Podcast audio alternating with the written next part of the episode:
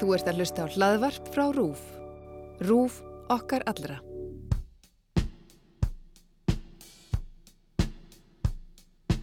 Vertu velkomin í með vitjanir á heilanum. Ég heiti Júlia Marget Ensdóttir og ég ætla að vera með þáttinn á heilanum næstu vikurnar með ykkur.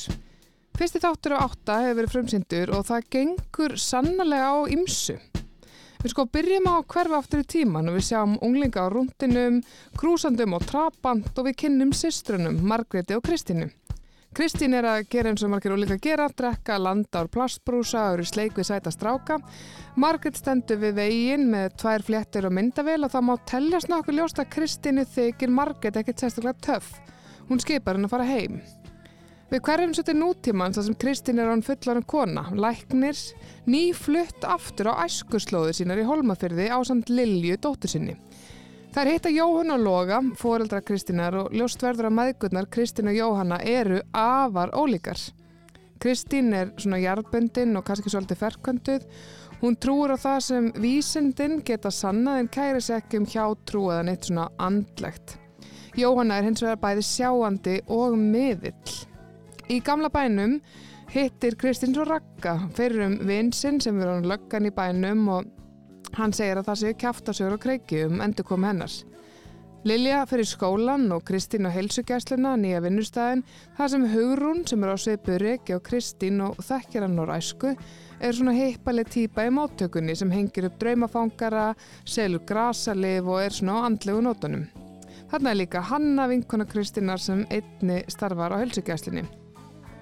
Helgi, maðurinn hann er Kristínar, hann er hins vegar ennþá í Reykjavík og hann er ósáttur út í konu sína yfir að hún hafi farið frá sér með dóttuður að með sér á þess að bera það eitthvað undir hann. Það er ljóst að Kristín er að yfirgefa mikla erfileika í sambandinu og hefur ákveð að flýja til fóraldar sinna. Kristín tala við yngu vinkonu sína sem skilur ekkert hún að fara út á land og spyr hvort hún og Helgi hafi ekki alltaf að vinna í sínum málum. Það er slúður að mikið um skilnaðin í Holmafyrði og Kristín kann illa að meita það. Jörgundur gamli mætir í skoðun og það gerir líka Patrikur að dregi bróður hönnu og hann er með stórt og ljótt mar á síðinni sem hann getur ekki alveg útskipt hvað hann kemur en Kristín ákveður að skoða það. Mækurnar fara í matheim til hönnu en á sama tíma er Jóhanna að halda miðilsfund. Á miðilsfundin mætir um, framleiðin Afi Guðriðar og segir henni meðal annars að brenna ekki kerti í báða enda. Þetta er svona frekar dölafullu draugur og svo byrtist þarna fólk úr fortíðinni í peysufötum og ullapeysum og Jörgundu gamli nýgur í lokinu jörðurna hættir að anda og Kristinn fyrir að helsugæstluna hlúa honum. Þegar hann er lóksins farin að braggast þá setjast Jóhanna, Lilja og Kristín allar sama niður heima eða góða stund. Jóhanna stendur upp til að sækja rauðvinsklus og sér þá dóttu sína heitna fyrir utan gluggan. Hún er enn lítil stúlka, hefur ekkert fullordnast eins og sýsti sín og er með sömu gömlu flétturnar og í minningabrótinu í byrjun þáttar.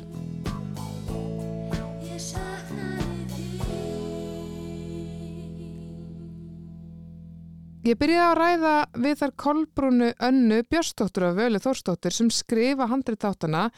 Þær eru báðar leikonur og handriðsöfundar og fara sjálfar með hlutverk, hannu og hugrunar í þáttanum. Ég spurði þær úti þetta mikla ævintýri og hvernig það er að uppskera loksins. Ég heiti Kolbrún Anna Björnsdóttir og ég er leikona og handreitsöfundur. Ég heiti Vala Þórsdóttir og ég er leikona og handreitsöfundur.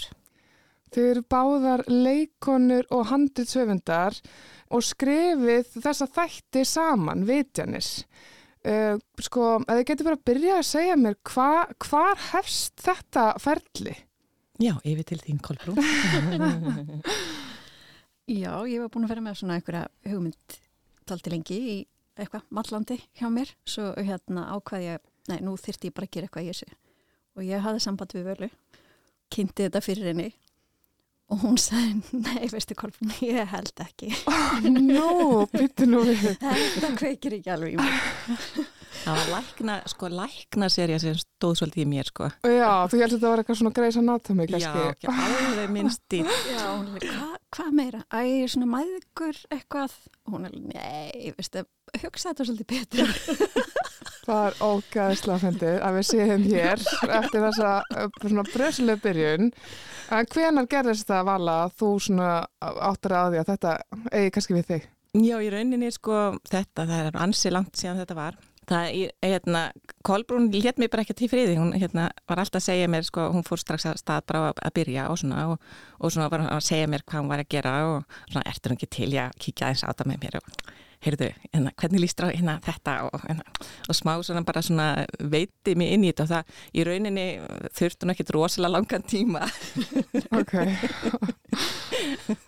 Sko ég er allavega hérna, núna sáum við uh, fyrsta þáttir, nú er búið frumsina hann á rúf um, og uh, ég ætla bara að segja allavega fyrir mína parta, ég er mjög fegin að vala, þú lest til leiðast og að þetta æfintir hafi farið að stað. Hvað hefur þetta tekið langa tíma? Já, hva, hvena byrjar þú aftur og ég kom hoppaði svo að lestina hérna. Það er komin alveg, hvað, átta ár? Já, Mm -hmm. já.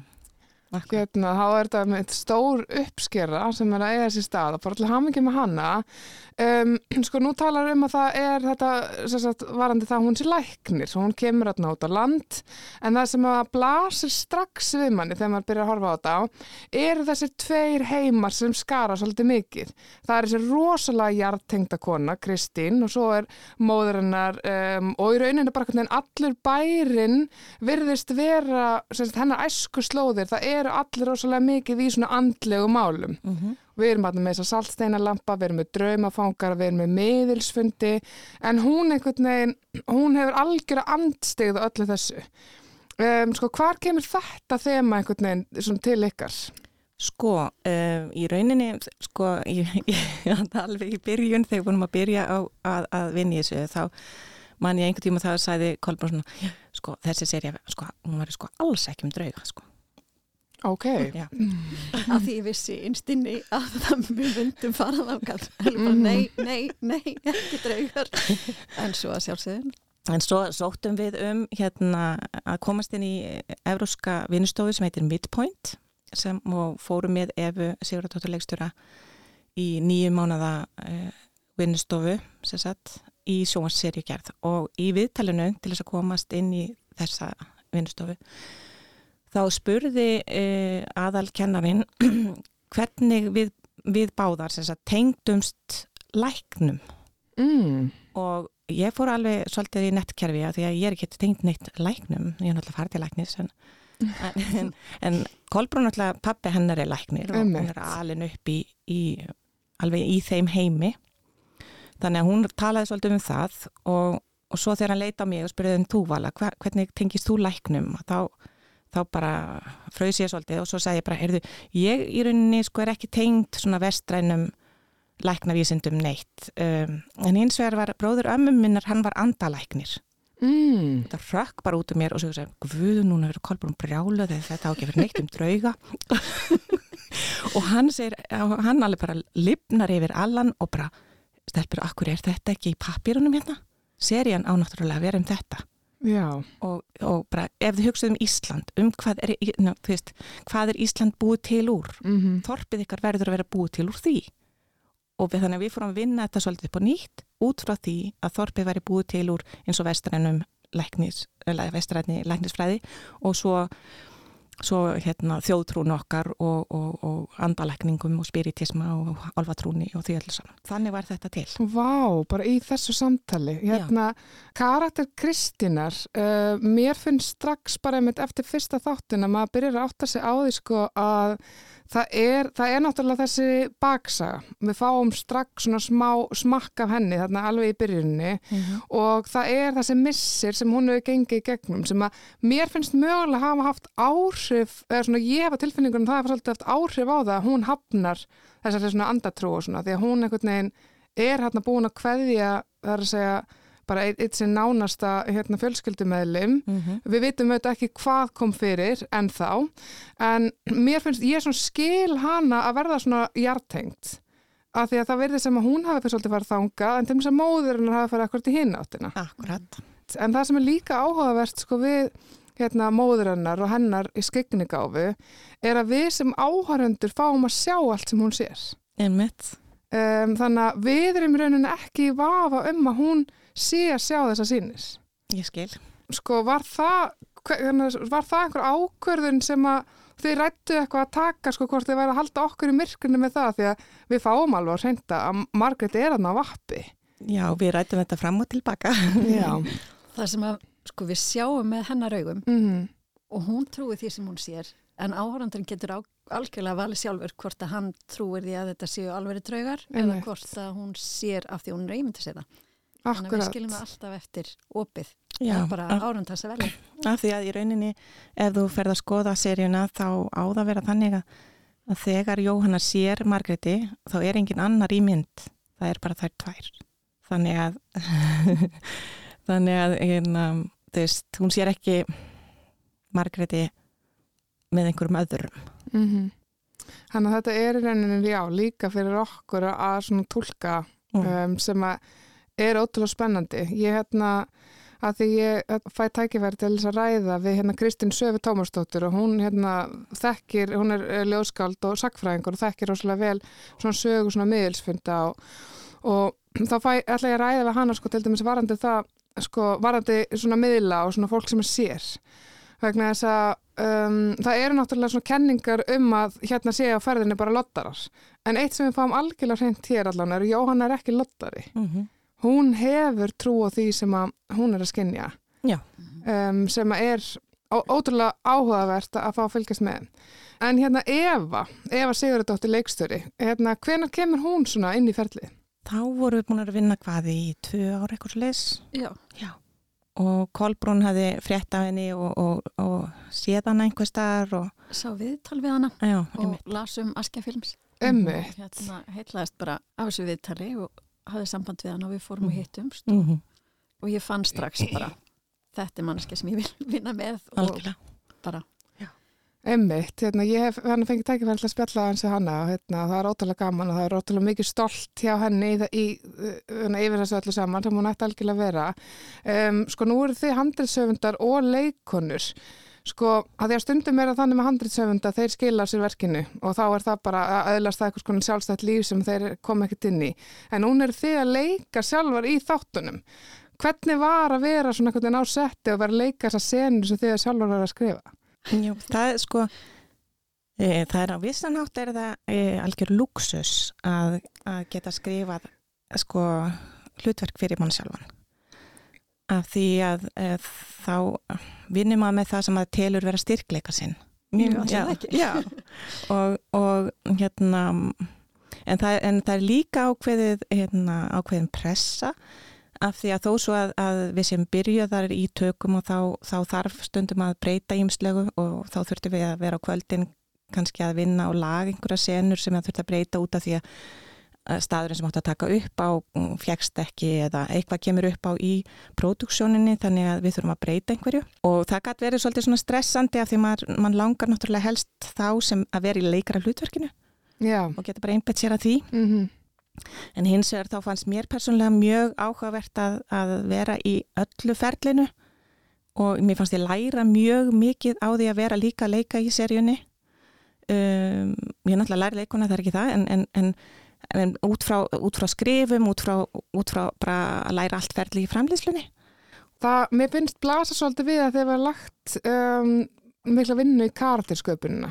Maður finnur alveg strax að það hafa einhvern veginn allir sína baksögu og svona mögulega sinn harm. Er það eitthvað sem að þið ákveða að gera þegar þið farið að stað? Voru það skrifuðu þið alveg í gegn hvern einasta karakter og svona by- byggu til þessa baksögu? Já. Já. já, Og, og rættu þið, fengu þið tækifæri til að ræða við leikarana það hina þegar þið farið að stað svona um þessa sögu? Nei. nei, Nei. En Eva vissi, ja, Eva þekkti nú mikið af, af þessum ef ekki allar baksögurnar. Mm En, en baksagan hún kemur líka í bara í hvernig þau bregðast við og svona og leikar er náttúrulega þjálfaður í því að skilja baks, baksögur og búa þær til og, og pikka upp öll svona merki um hvað, hvað er að baki þess sem þú segir. Mm Þannig að, að hérna, þetta er, að- þú veist, við vorum í rauninni mjög mikið að vinna leikaravinnu þegar vorum að skrifa handritin.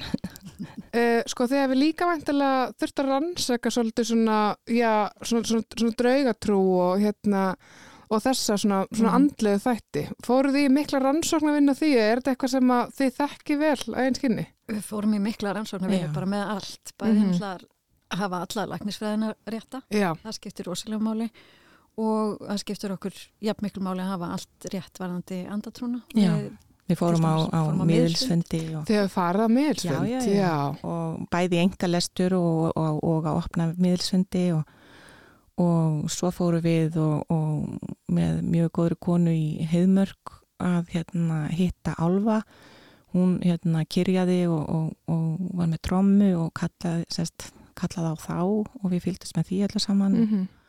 Og svo fengum við leifi til að taka upp ákveðnum stað á Snæfellsnesi, fengum uh, mannesku þar sem býr þar og er í miklum tengslu við náttúruna og allar þessar vættir og, og fórum með honum og fengum leifi hjá huldufólkinu að taka upp á þessum stað og, og við, ég fór á hérna, sjamannámskeið og, og ég fór á grasalækninga svona námskeið og, og þú veist að það var mjög mikil, mjög mikil rannsóknina. Mhm.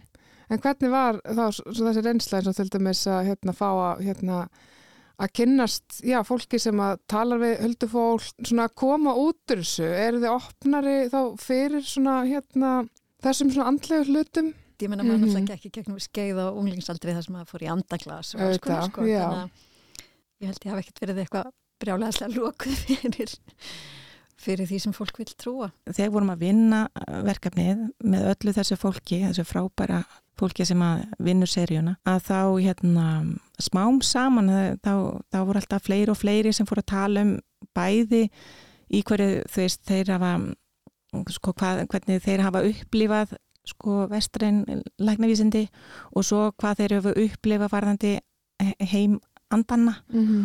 og, og, og meiris á, á tímum COVID þegar við vorum öll í hól, hólfuð niður þannig að það voru takmörkuð sko, samskipta milli hópa að þá samt einhvern veginn þá náðu öll einhvern veginn tengjast svolítið mikið við þetta þema og það Akkurat. var mjög fallegt og við fengum kveðjur sko inn í pródúsjónina uh, þar sem var að segja veist að álvar fylgdi okkur og það við ættum að fá gott veður og, og Og draugar sem fylgd okkur líka Já, og akkurat. alls konar. já og það, það verið við að styðja okkur sko að handan Að handan og svo Kristín hérna, læknir sem var hérna, okkar aðal e, svona e, ráðgjafi á, á setti hún, hún kom með alls konar kvartningar úr læknaheiminum þar sem að læknar voru og, og læknaneymar og, og, og fólk í heilbyrðskeiranum var svo ánætt með að við varum að taka fyrir þessa hluti Akkurat. Svo er einmitt, sko, dótti mín er hérna, einmitt að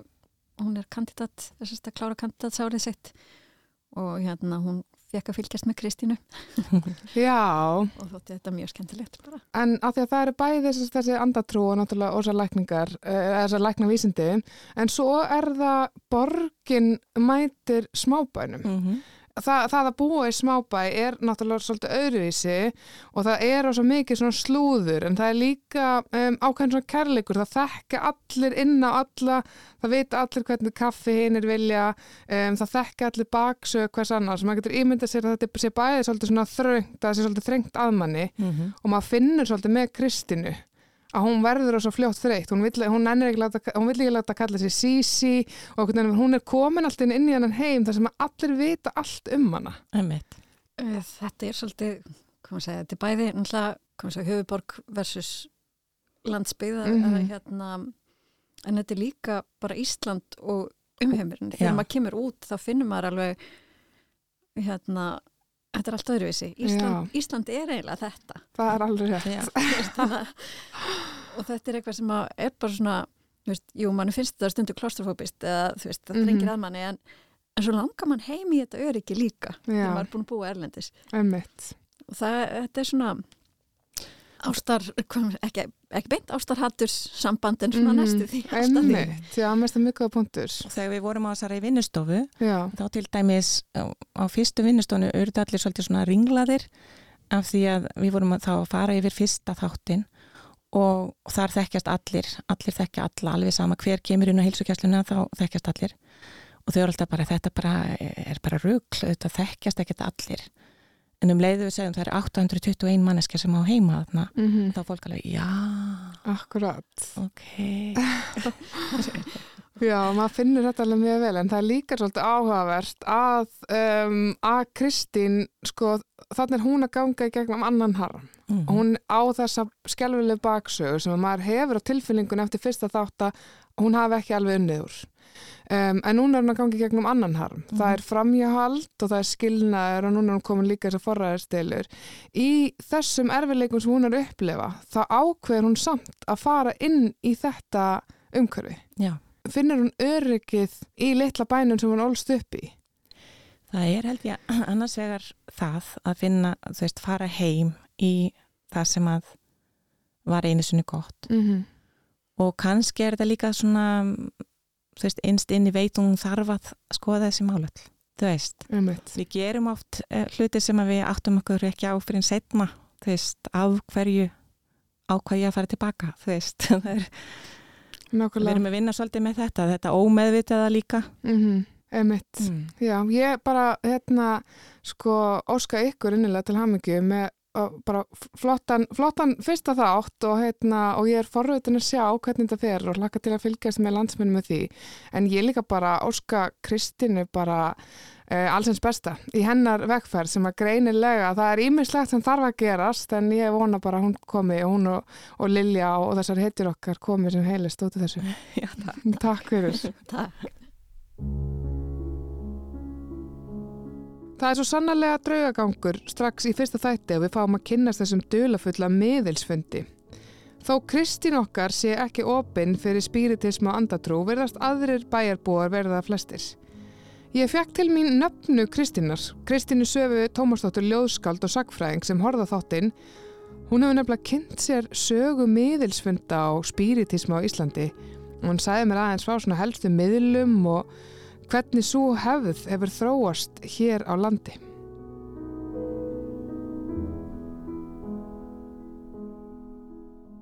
Ég heiti Kristín Svafa Tómasdóttir og er sjálfstætt starfandi segfræðingur og ljóðskáld. Hmm, Þú horfir hérna á fyrsta þátt vitjana sem hefur nú verið síndur og við fylgdumst þetta öll spennt með uh, og sko það verður nefnilega nokkuð fljótlega ljóst í þættinum að það er ekki alveg allt sem sýnist eða það fer kannski eftir hvern þú spyrð.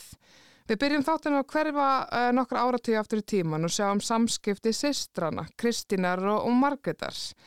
Um, og það eru greinlega svolítið ólíka típur og Kristínu finnst Margret vera svolítið svona fyrir þegar hún er sjálf að vera töffarna, gera eins og gert var á þessum tíma held ég, svona allan á landsbyðinu ábyggla viðars, að fólk var að sulla í landa og, og runda og svona, eitthvað sem að margir svona úlingar kannski kannast við.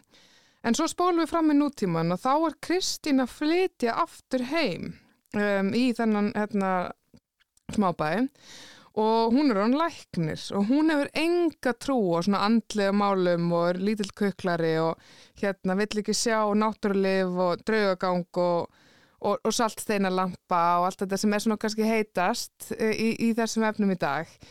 Um, og hún er svona svolítið hjartengdar en margir og það verður það sem að flestir í bænum séu svolítið að öndverðu meiði í þessum efnum sem að fer rosalega töðunar á henni.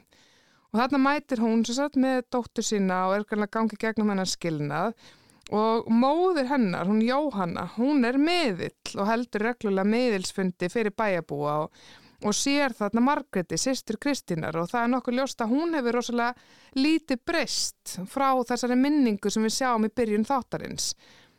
Hanna, hún er auðvitað liðin og það sjá hana kannski ekki endilega allir eh, og verðist hafa, já, svona látist skömmu eftir allavega hérna þessi þetta minningabrót átti sér stað. Sko ástæðan fyrir ég fæð þig hinga til mín til þess að ræða þessi mál er ekki vegna þess að þú sért sjálf miðill eða svona mikið í, í, í því en sko þú ert ljóðskald og sagfræðingur og hefur mikinn áhuga á sögu miðilsfunda og svona draugagangu í Íslandi. Sko hvaðan kemur þessi áhugi? Ég held að það sé bara mjög klassíst, er það ekki, að hafa svona áhuga á draugasögum. Emmitt, varst að lesa hérna Jóns Átnarssonar draugasögurnar og svona? Kanski ekki alveg svona kerfispundið, sko, Nei. en þú veist, það er bara, það er bara eitthvað við svona yfirnáttúrulega og draugalega sem er svo spennandi. Þannig að Uh, ég sjálf eh, kannski meira á svona lí, sömu línu og nafna mín Kristín þú Einmitt. veist, er nú frekar svona hjartbundin típa og, og trúlaus á vel flest yfirnáttúrulegt en það breyti því ekki að mér finnst sögur um það alltaf mjög skemmtilegar Mm Sko, það er hann eitthvað tímabil í svona Íslands sögunni þar sem að miðlar voru svolítið bara svona eins og rockstjörnur eiginlega. Um, og sömur þeirra urður rosalega umtalaðir. Getur þú svona sagt mér svona á hvaða tímabil þetta er og hverju voru svona helstu svona frum, svona, stóðu fremst í þessu?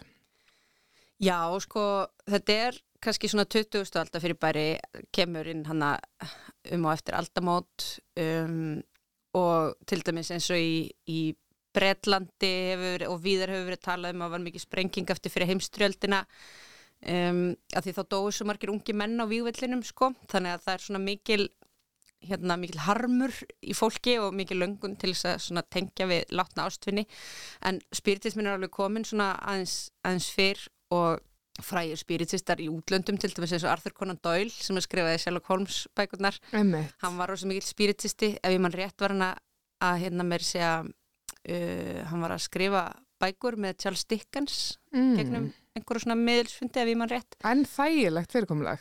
Já, ég veit ekki alveg, veit ekki alveg hvernig útkoman hefur verið Nei. svona Dickens og, og hann sko Nei, mitt. og, og þetta sagt, svona einn fyrsti félagskapur sem að sem að verður til á Íslandi kringum þetta heit tilraunafélagið uh, og það eru svona heiti það því að þeir eru að gera tilraunir með að komast í tengslu handan heima og þetta eru svona mikið betri borgarar í Reykjavík uh, sem, að, sem að hafa áhuga á þessum málum og, og hérna einhverjum þessum aðri tilvistaplönum og svona kannski fyrsti stjórnumiðlin á Íslandi er Indriði miðl, Mhm. Indrið Indriðason uh, sem ég held að sé bara ef ég mætti velja einhvern karakter úr Íslandsögun til að hitta þá væri hann frekar ofalega bla blaði. Hann var hérna bóndasonur úr uh, Dalasíslu rosalega sætur eins og maður sér á myndum. Og hérna þótti góð eftirherma og svona en var líka hæfileikaríku miðill. Og það var bara byggt yfir hann hús, tilrunafélagi byggði hús og þar bjó indriði og það var bara engin hörgull á dölufullum hlutum sem gerðist í kringum þann mann. Sko, hvar er þetta hús? Er þetta í Reykjavík? Það er því miður ekki til lengur, þetta var í Þingolstræti 3 og þar var alveg sérstakur salur, sko, indrið bjó í einhverjum svona herbyggi og svo var salur þar sem að hérna voru sangkomur og, og þar var mikið að gerast og, og hann, uh, hann bara, hann, hann svona fór í ymsar áttir í sínum viðelstörum, sko, hann hérna uh, stundum voru svona að einhvern veginn uh, hvað var það sem var að gerast við handleikin á hennum, hann var eitthvað svona hérna, hann var eitthvað sérstætt spiritista orði verið þetta og hvort að, já, hann kvarf handleikurinn hérna á hennum af líkamnaðist eitthvað, þannig að það var bara tóm ermi og svo var hann að hérna, og svo var hann einhvern veginn að líkamnast milli staða í Reykjavík líka. Svo var hann að stunda lækningar líka smá, var að hérna, stunda fólk sem að hafði ekki hlotið bót meina sinna og alls konar hérna frægir íslendingar sem voru að koma fram og útlendingar reynda líka á, á fundum hjá honum hérna Egil Skallagrimsson það er alveg frábæð bók bara má benda á ef að fólk hérna hefur áhuga sem að eh, Karlotta Blöndal heldur hún heiti myndlistakona gaf út fyrir mörgum árum sem eru bara uppskriftir af miðlisfundum og þar er alveg Egil að koma og segja eitthvað. Ég em Egil þannig að þetta er svona kannski fyrsta fyrsta bylgjan sko. Akkurat, þarna verður einhver svona aukin áhugi sem þessu fylgir. Og veist, eru margir að leika eftir hérna indriða og svona hans kunstir Indriði held ég að hafi nú verið svolítið svona hérna einmitt bara svona lýsandi stök stjarna á sínum tíma, hann dó Mhm. sko ungur. Uh, bara já, kottnungur held að það hefur verið fyrir þrítugt. Um, þannig að hann því miður bara eiginlega hérna hverfur af, af sjónasviðinu og þá held ég að hafi nú hérna hafi átt í pínu svona erfileikum með að finna einhvern sem væri á hans leveli sko. Um, en svo þú veist auðvitað þróast þetta og, og koma fram alls konar miðlar eins og, og já, og, og lára miðl nú endalega svona frægust þeirra. Já, Fyrst ég fjall í trans þá var það því ég var 14 ára rúmlega hjá einareitnum kvaran og þá var ég á fundi hjá Ísli Vittnum Jónssoni, lífskólakennara. Ég vaknaði við það að ég var inni á kontor eða skurstofu einarsheitins kvarans og uh, var nokkuð lengi í svefni. Já. Ég vissi eiginlega ekki hvað gerðist. Nefn einar eittin, hann var mér mjög góður og ég var þar dálítinn tíma. Fyrsta veturinn sem ég var hér í Reykjavík.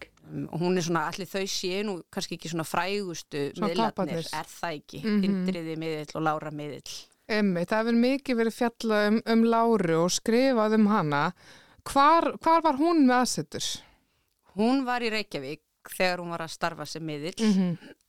já og hérna og starfaði nú svona með köplum svo, já, svo flutt hún norður í land flutti til Akureyrar En þessi fundir sem hún var að halda, sem hafa, já, verið mikið umtalaðir og hérna, og margir sem að, hérna, sóttu þessa fundi sem að voru alveg sannfærður um að, hérna, þarna hefði þeir komist í, í samband við látna ástöðun og fleira. Veistu hvernig þeir fóru fram? Eða hvað gekk þarna á? ég held að hafa nú bara verið ímislegt sko, þeir voru haldnir flestir heima hjá henni og það kom þarna fram bara ymsar persónur sko einhvern veginn svona ímist í gegnum hana en svo er, það eru til minn, ljósmyndir af miðursundum hjá Láru sem sína mjög greinilega að, að það er alveg hún er nú með þarna samstarfsfólk sem að kemur fram í hlutverki látins fólks, þannig að þetta er ekki allt hennar persóna sko.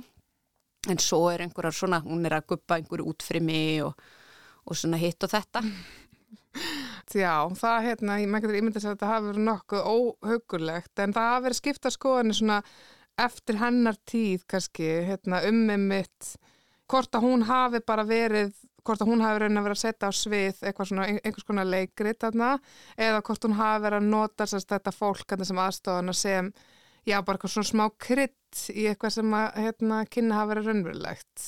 Já, ég bara má segja að sko, og ég held að það sé eitthvað sem kemur fram sko alveg oftar með þú veist, miðla sem verða uppvísir að einhverju svona svindli. Eins og Lára varð, það var bara það fóru stað rannsókn og bara kom í ljós að það var bara, hún var að vinna með mitt einhverjar slæður og falska botna í stólnum sínum og eitthvað svona sko. Og En, en svo náttúrulega kemur það oft fram sko þegar einmitt eh, hinn er heitrúðu einhvern veginn, það er verið að fletta ofan af einhverju svona svindli, þá, þá er kannski tilning til að segja já en, en þetta var bara einhvern veginn hérna, mm miðillin var bara mistíga sig í raun og veru er þetta er þetta hérna góður miðill en, en bara þetta var bara svona smá hliðarspor eða einmitt kannski einhver svona hérna eitthvað krydd við því raunverulega sko. Já, maður getur alveg ímyndið sér að það sé freistandi þegar að maður er sannfærður um að hafa áttatna í samskiptum við einhvern látin ástvinn eða eitthvað slíkt. En svo hérna byrju sálaransóknarfélagið, það hérna er svo stopnað og er enn starfandið ekki. Jú, eftir því sem ég best veit. Sko þú sem listamæður og án þess að alltaf eitthvað svona að dæma heila stjætt en þá Svona, mann finnst ofta að sé svona, í, í þeim svona geira sé jafnvel tíðara en viða annar staðar, að fólk sé svona svolítið andlegt og hérna, tekur eftir að fólki kringum þau er fólk að sækja miðilsfundi og svona enn í dag og, og lesa stjórninsbánu sína og svona, eða er þetta undan, miklu undanhaldi? Ég held að það sé bara rosa misjamt, er það ekki? Ég, ég rúla nú í frekar svona tortrygnum og kaldhæðnum uh, hópum, sko, kannski ekki mikið af fólki, ekki svona ekki kringum mig, ég er enda komin af miklum spiritistum í báðar ættir, sko. Nú. Já, já, ég var hérna, uh, ég held að, sko, afi minn og amma í föðurætt, þau voru bæði alveg á þessari línu um, og afi las af miklu kappi uh, sumarlandið og, og bækur um önnur tilveru stig Mm -hmm. og hérna ég veit að langafi minn og langama í móðurætt voru hérna voru líka miklu spiritistur og miklu aðdöndu láru líka eftir allt, allt saman sko.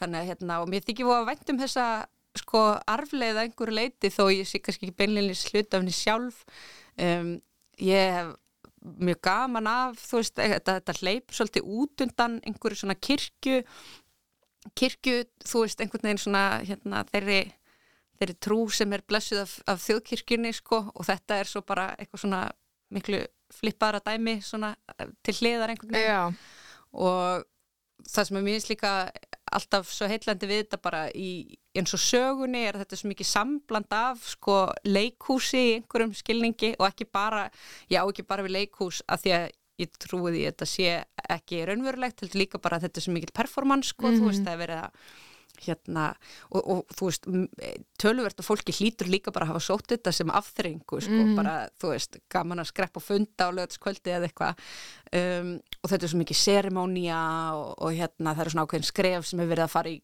gegnum og allt svona voða dulafullt, þannig ég skil það að, aðdráttraft mjög vel, en svo eru þetta líka bara þessi mjög svona, og það er náttúrulega kannski það, það sem að maður sér líka í eins og, eins og sjónvarstættinum að þú veist, þessi bara mjög einhvern veginn uh, skiljanlega, mannlega einhvern veginn bara söknuður og, og Mhm. hérna löngun til þess að komast í tengslu látna ástvinni og þetta er svo eðlilegt sko og fólk er náttúrulega einhvern veginn að þessu vo, vo berskjaldað sko. Akkurat. Já, talandi einmitt um sjómanstáttin, um hérna vitjanir, vegna þess að þarna sjáum við e, miðilsfund sem að fer fram einmitt í stofun heima í Jóhannu og þarna, sko, kannski aðeins munurinn á því að búa í Reykjavík og búa í svona minna plássi án þess að ég hafa nú miklu reynslu af þessum hluta af því sjálf, en þarna sko koma saman allir bæjarbúar eða svona lang flestir og þegar þeir ganga inn þá veit, vita þau hvern, þau, þau eru að býða eftir að hitta og svona eins og þá hún segir hérna, já, ég hennar vona, hennar vonan aðein kíki við og okkur sem hann svo sjálfsögur gerir. Af því að þú, ég veit að þú hefur rannsakað mikið þessa sögu, eða svona verið að lesa það til um hérna þessa sögu miðla og svona spíritista í, í Reykjavík, en hérna, hefur eitthvað heyrst um hérna svona fundi eins og þessa hérna svona út á landi? Ég þekki það svo sem ekkert þannig sko, þú veist, það voru náttúrulega margir á þessum miðlum eins og Lára eru líka svona farand miðlar, Mm -hmm. fara um og eru að hérna og eru að halda fundi og svo voru, voru líka svona frægir miðlar út á landi eins og hérna uh, Margaret á Öxnafelli má ég segja hún hafi heitið, sem, sem voru kannski og voru þá kannski líka, það voru ekki bara miðilsfundir heldur voru þeir að vinna með svona fjárvinnu má segja sko. Mm. þá getur maður bara, þá er maður einhvern veginn, þá er einhver svona fjár áhrif um einhver svona hálgerðan einhvern svona hugsanaflutning eða slíkt að ræða sko, þannig að það er líka hægt að gera þetta svona working from home, en ég svo sem sko veit ekki uh, ég hugsaði sér ekki til neinar sérstakar rannsóknir endilega á muninum á, á þeim út á landi á í bænum. En, Nei, þetta, en þetta myndi mig líka, þetta er náttúrulega kannski pínu klassíst líka bara einhvern veginn svona uppleg eins og í þættinum þú veist að það er greinlega það er hérna þessi aðalpersona sem er á einhvern hátt fulltrúi einmitt einhverju svona vísindarlegur hugsunar Mhm. og einhverju svona raunsæðishyggju og eitthvað og einhverju svona raunhyggju. Og hún, hún er að fara einmitt inn í svo kemur þessi svona semi-aðkomi manneskja inn í eitthvað allt annað samfélag þar sem allt er miklu meira floti uh, og þá kannski pínu dæmi gert að það, hún sé að koma einhvern veginn úr einhverju svona ég fór að hugsa um bara skáldsögu eins og lifandi lífsleik eftir Bergson Birgisson sem mm Mhm. út fyrir nokkrum árum það sem kemur um líka svona raunsægis kall frá hérna miðjuríkisins í Kaupmannahöfn til Íslands það sem allt er miklu einhvern veginn svona meira upp í loft og fólk er hérna lifir í alls konar þjóðtrú og eitthvað og svo hefur maður á svona grunum að það verði síðan einhver svona samrunni þarna að, að hérna vísinda hérna uh, vísindilega sinnaða manneskja muni vera þvinguð til þess einhvern veginn að opna sig fyrir öðrum Mm annari reynslu sko. Já, og einmitt, það verður áhugavert að sjá svona hvert ferðalag Kristínar verður þessum efnum af því að þarna er einmitt mjög augljós tókstreita hérna á milli eh, svona þess að tvekja já, þetta er svona hugmyndafræði sem að verðist ekkert alveg samræmast hver annari en sko það er eitt sem er samt áhugavert að, að því að maður í öllum þessum umræðum og til dæmis svo talaði með Láru miðil að fólk hefur lagt sér fram við að þú veist það voru gerðar ranns, voru gerðar rannsóknir, hún verður uppvísa að þessum hérna einhverjum svikum. En þarna sko hún Jóhanna miðill í þessum þáttum allavega að, að, að, það sem okkur áhærundum er sínt er að hún trúur þessu fyllilega sjálf uh, hún er að sjá systurinnar á, á hjólinu þarna fyrir utan uh, og við sjáum þennan miðilsfundinum að allt inni byrtist þarna fólk í einhverjum hérna peysufötum sem að er ekkert inn í stofunni gagvart öðrum sko tilfinningin þín gagvart svona miðlum um, heldur, heldur að margir þeirra flestir eða jafnvel færri trúið því sjálfur þeir hafa þessa skegningáði? Það er örugglega bara frekar erfitt sko að alhæfa Mm -hmm. uh, Já, ég meina það hlýtur að vera einhver hluti af þeim sko.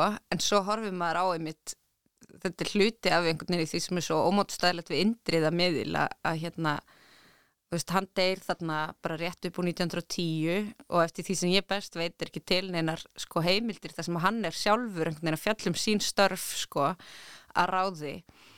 Þannig að það er svo þetta er svo eitthvað ómónd stæðileg spurning Mhm. hvað var indriði miðull að pæla veist, var hann var hann, og þú veist, hann er eins og segi, maður sé myndir á hann hann var rosa sætur, og en það er einhver svona prakkar svipur á honum og hverju Mhm. einustu mynd sko, Mhm. þannig að maður er, þú veist, var hann einhvern veginn, gekk hann inn í þetta og varð alveg sandtrúaður spiritisti, eða var hann bara í einu stóru flippi, Mhm. einhvern veginn Ég meina, þú nefndir að hann hafi verið eftir og svo góð eftirherma. Já, það kemur fram annars stað til dæmis sem Já. er líka pínu fyndið, Mhm. veist, þannig að hann hefur greinlega haft einhverju svona leikrahæfileika Mm -hmm. og þá er einmitt, þú veist, stóra spurningin hvað hva var hann að hvert var hans markmið og einhvern veginn Mhm. punktur með þessu öllu saman og þú veist, það er örglega eitthvað sem við fáum aldrei svar við en er Nei. einhvern veginn alltaf jafn skemmtilegt að velta fyrir sér Akkurat. Mér langar bara að lokum. Hefur þú sjálf sótt einhverja svona, hérna, farað að miðilsfundi eða til uh, spákonu eða einhver, einhver galdra manna? Ég fór einu sinna á skikni lýsingafund Mm. og það var bara Hvað er það? ágætt það er þá er ekki, þú veist, þetta var bara góð spurning, ég veit ekki alveg hvernig það er skilgreint, það er eins og það sem var í hérna, þetta er alltaf hreinu, nefnir alltaf hreinu Já, hérna, einmitt. uh, þetta er eitthvað svona þú veist, þá er miðillinn svona fær einhver svona skilabóð og er einhvern veginn að lýsa því sem hann sér eða eitthvað svona Mhm. en það er ekki, já, ég veit ekki alveg hver er svona einhvern veginn hugtaka munurinn Er þá setið í ring? Nei, þetta var Nei. bara alveg salur af fólki og öll Já, ljós kveikt akkurat. og ekkert svona sérstaklega dularfullt þannig sko Nei, einmitt. í gangi.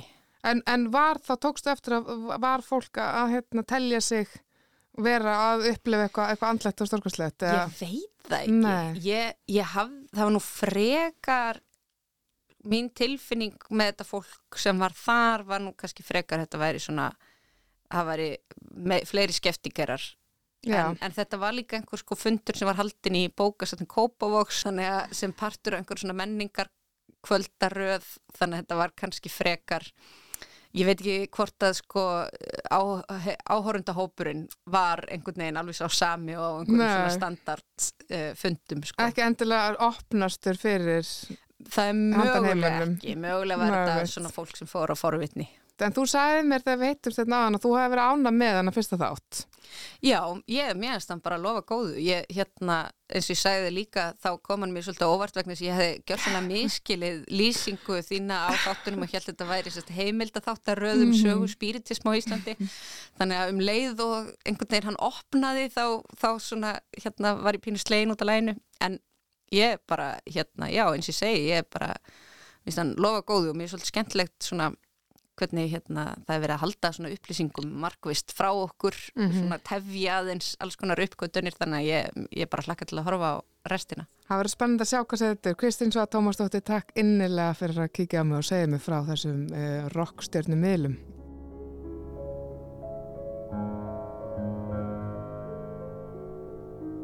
Þá er komið að leiðalókum í byli með vitjanir á heilanum halda áfram að viku liðinni. Þá ætlum við að rýna í þátt nummer 2. Ég heiti Júlia Margrét Einumstóttur og þakka fyrir mig og ég hlakka til að halda áfram á þessu ferðalagi með þér.